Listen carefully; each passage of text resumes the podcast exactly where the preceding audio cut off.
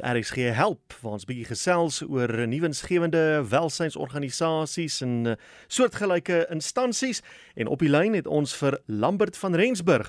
Hy is die voorsitter van die ou presidentsie historiese vereniging.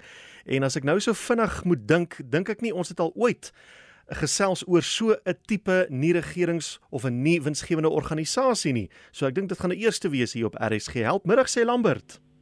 Goeiemiddag. Baie lekker om met jou te kan gesels. Vertel ons nou eers wat is die ou presidentsie historiese vereniging? Dit is 'n vereniging, 'n nie winsgewende organisasie uh wat in 1985 ontstaan het. Aanvanklik was dit net 'n groepie mense wat na die herinwyding van die ou presidentsie besluit het om saam met die departement van sport, kuns en kultuur 'n ondersteuningsgroep te stig om die ou presidentsie na jare van restaurasie behou te probeer bly. So dit kom al 'n lang pad. Die gedagte was na Vrystaatdag wat 23 Februarie is en met die herinwyding om so 'n groep belangstellendes bymekaar te kry. Hulle het op in die jaar 20 of 2000 hoe sê mense nou vergader hmm. en toe besluit op uh, die ondersteuningsgroep en in 2001 is die groep amptelik gestig onder die naam Vriende van die Ou Presidentsie wat later verander het na Ou Presidentsie Historiese Vereniging. Ek sien Lambert en wanneer het jy hierby betrokke geraak? Ek het was jare lank van die ontstaan van die uh, beweging of organisasie lid maar in 2010 het ek die voorsitterskap oorgeneem hmm. tot tans en uh, so ons is bedrywig en aan die gang en ons doen die dinge hier in Vrystaat. Nou vertel ons 'n bietjie van die historiese uh, to toeriste aantreklikhede wat mense kan besigtig wat ook val onder julle vaandel.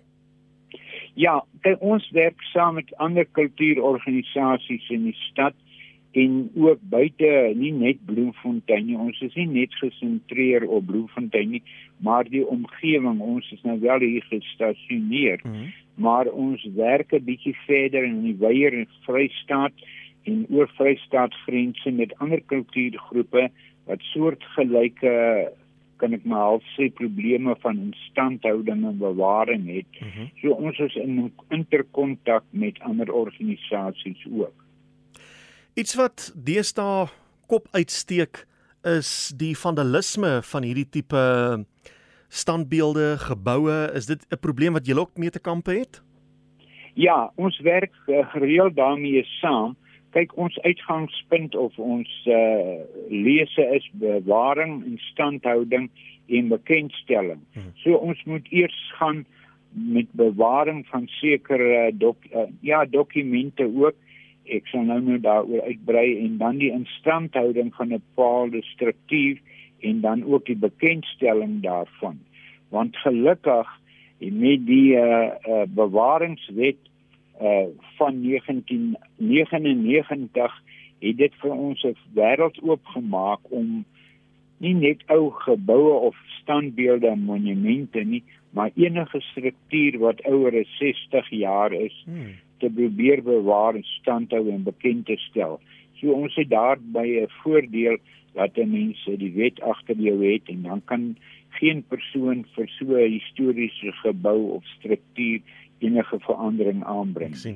Kom ons kyk gou na 'n bekendstelling want ek dink 'n manier hoe 'n mens hierdie tipe geboue, monumente, standbeelde bewaar is om mense daaraan bekend te stel en hulle die belangrikheid daarvan onder hulle aandag bring. Hoe stel julle dit bekend? Het julle toergroepe en so aan?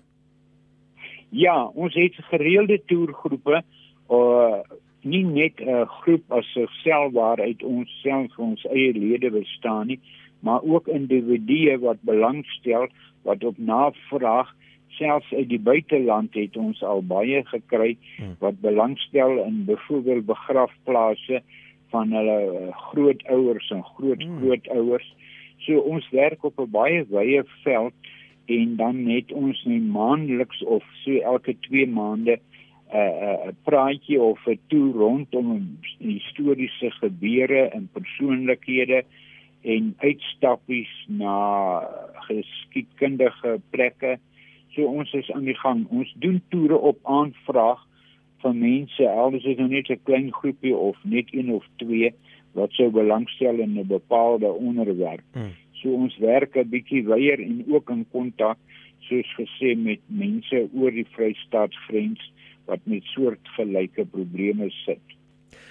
As mens kyk na die jonger geslag, stel hulle belang in in geskiedenis? Kry hulle baie navraag ook van hierdie tipe ouderdomsgroepe of is dit 'n uitdaging om die jonger mense te belangstelling te laat kweek in geskiedenis? Ja, ek dink daar is tog 'n oplewing in die op die gebied. Uh die jonger mense is nie so bewus daarvan nie man. Hulle is nie bewus gemaak nie. Hmm. So mense moet nou maar die ding terugvoer na die ouer geslag ook die spreekwoord sê as jy nie weet nie dan of jy nie as jy nie bekend is nie dan wil jy nie weet nie. Ja. So eh, daar kom ons bekendstelling deel in.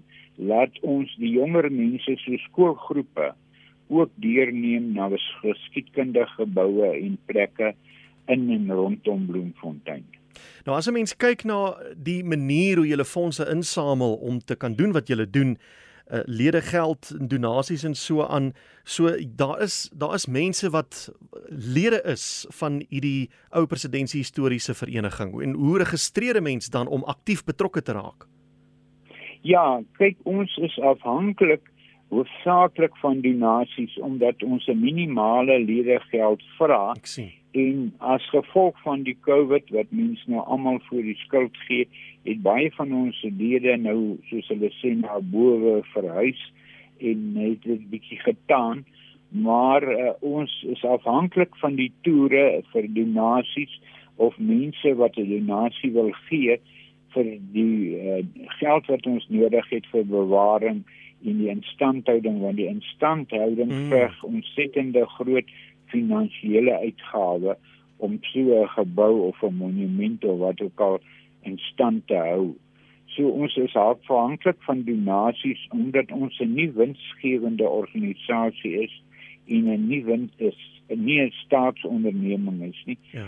Uh, verwelkom ons mense met toere wat vir donasies gee en dan be, uh, aanvaar ons hulle as vriende van die ou presidentsie historiese vereniging. En hoe kan 'n mens met julle kontak maak? Het julle 'n webblad, 'n Facebookblad of 'n nommer wat mens kan skakel? Ja, ons het ongelukkig nie 'n webwerf op hierdie stadium van die wedstryd nie, maar hulle kan my persoonlik skakel. Ek dink dit sal die maklikste wees. Mm -hmm. Uh op my e-pos of met op my selfoonnommer, dan kan ons meer inligting gee rakende ons aktiwiteite en bedrywighede oor ons byvoorbeeld uh, feesdae wat ons gedenk. Ons het nou die dag Bloemfontein uh, so 175ste jaar se verjaarsdag herdenk hmm. en nou eerskomende 1 April is dit nou Jan van Riebeeck en dan nou weer Bloemfontein se 176ste verjaarsdag. So ons doen sulke feesdae rondom 'n bepaalde tema of hmm. 'n persoon en gee inligting oor dinge wat gebeur het in die verlede. Ja, in die Bloemfontein en ook natuurlik die Vrystaat baie baie belangrike stories. Lambert, die nommer ehm um, is dit die een wat ek jou nou opgeskakel het? Is dit die een wat jy wil gee? Ja, ek dink dit is die maklikste. Goed, ek sal hom dan sommer uh, nou binnekort uh, vir die luisteraars gee. Wat is jou e-posadres? Is baie maklik van Rensburg. Mhm. Uh -huh. L B J. Ja @gmail.com. Goed, ek het hom so. Jy is net van Rensburg lb@gmail.com en dan my selnommer. Goed, ek sal daardie gee. Lambert, baie dankie vir die samegesels en dankie vir die goeie werk wat julle doen en ek hoop dat jy en soortgelyke organisasies suksesvol sal wees want hoe sê hulle nê die wat nie leer van die geskiedenis nie is gedoem om dit te herhaal die foute daarvan te herhaal Ja, kyk ons kyk nou daarna baie daarna laat in perspektief oor die verlede dat die mens nou 'n bietjie meer insig het oor wat dinge wat gebeur het sodat jy vandag kan saampraat en nie sommer maar net op hoor sê nou 'n stywer in die armbeer gooi nie. En soos in die begin gesê ons skakel met ander kultuurorganisasies buite die Vrystaat ook wat inligting soek of wat wil inligting aanbied hmm. ten opsigte van 'n sekere geveg of 'n standplaas of iets dergeliks. Ja. Lambert, dankie vir die saamgesels en voorspoed daar vir julle. Baie dankie Willem, dankie vir die geleentheid. En dit dan die stem van Lambert van Rensburg, hy is die voorsitter van die ou presidentsie historiese vereniging in Bloemfontein. Jy kan hom skakel by 072 418 8665. E-posadres is van Rensburg lbj by gmail.com